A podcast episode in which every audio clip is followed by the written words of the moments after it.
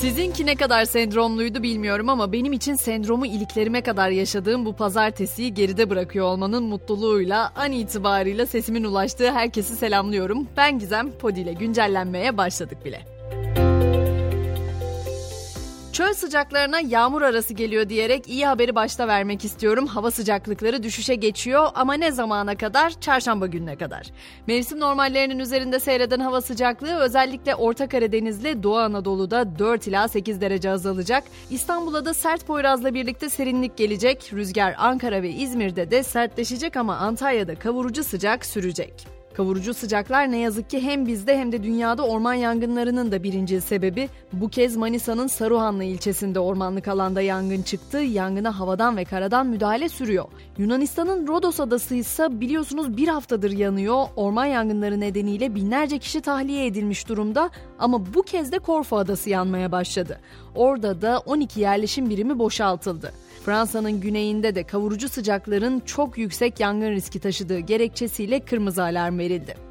Bunu sabah da söylemiştim aslında ama ceplerimizi yakan konuda da hatırlatma yapmakta fayda olduğunu düşünüyorum. Hala duymayanlar olabilir. Gece yarısından itibaren benzine 2 lira birden zam yapılacak. Zamla birlikte benzinin litresi 36 lirayı aşacak.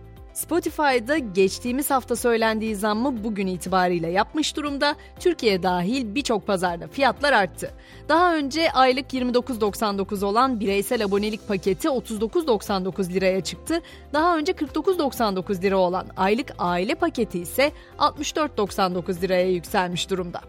Memur Sende 1 Ağustos'ta başlayacak toplu sözleşmeye dair taleplerini açıkladı. Sendika 2 yıllık %110 zam, aylık 7650 lira kira yardımı istedi. Ayrıca memurlara seyyanen yapılan zammın emeklilere de yansıtılması istendi.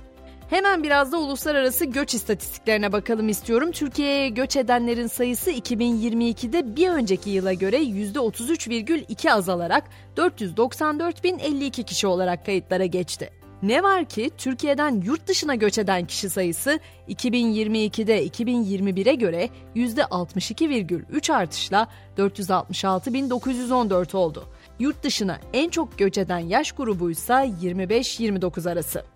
Geçiyorum sosyal medya dünyasına çünkü Elon Musk hepimizin üstünü çizdi ve sahibi olduğu sosyal medya platformu Twitter'ın kuş logosunu X harfiyle değiştirdi. Twitter'ın yeni logosu X şirketin San Francisco'daki binasının üzerine de yansıtıldı. Bakalım uygulamadaki yerinin değişmesi ne zaman olacak? Barbie filminin vizyona girmesiyle birlikte de biliyorsunuz artık her yer pembe oldu. Herkes Barbie, herkes Ken oldu.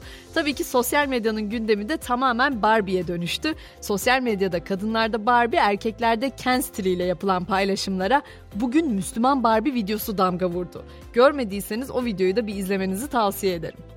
Biraz da dikkat çekici araştırmalardan söz edeceğim şimdi. Amerika Birleşik Devletleri'nde yapılan bir araştırmaya göre uyuşturucu kaçakçılarının denizlere attığı kokainler köpek balıklarını kokain bağımlısı yaptı. Araştırmacılar bazı köpek balıklarında görülen düzensiz davranışların Florida açıklarına bırakılan halüsinolojik uyuşturucuların tüketilmesi sonucu ortaya çıkıyor olabileceğini belirtti. Peki balıkları bile etkileyen bu çevre kirliliğine ve dolaylı olarak iklim krizine nasıl dur diyebiliriz? Veganlıkla. Oxford Üniversitesi'nden bilim insanları yeni çalışmalarında vegan beslenmenin standart beslenme formuna kıyasla çevreye verilen zararı ne kadar azaltabileceğini ortaya koydu. 57 bin kişi üzerinde yapılan araştırmaya göre vegan beslenmek çevreye verilen zararı 100 kata kadar azaltıyor.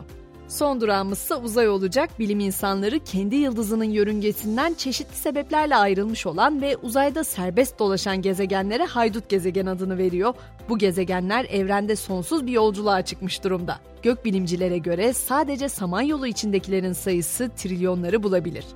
Hemen spordan notlarımı da ekliyorum. UEFA Şampiyonlar Ligi'nde 3. eleme turu kuralları çekildi. Galatasaray yarın karşılaşacağı Žalgiris'i elerse Ludogorets Olimpia Ljubljana eşleşmesinin galibiyle karşılaşacak.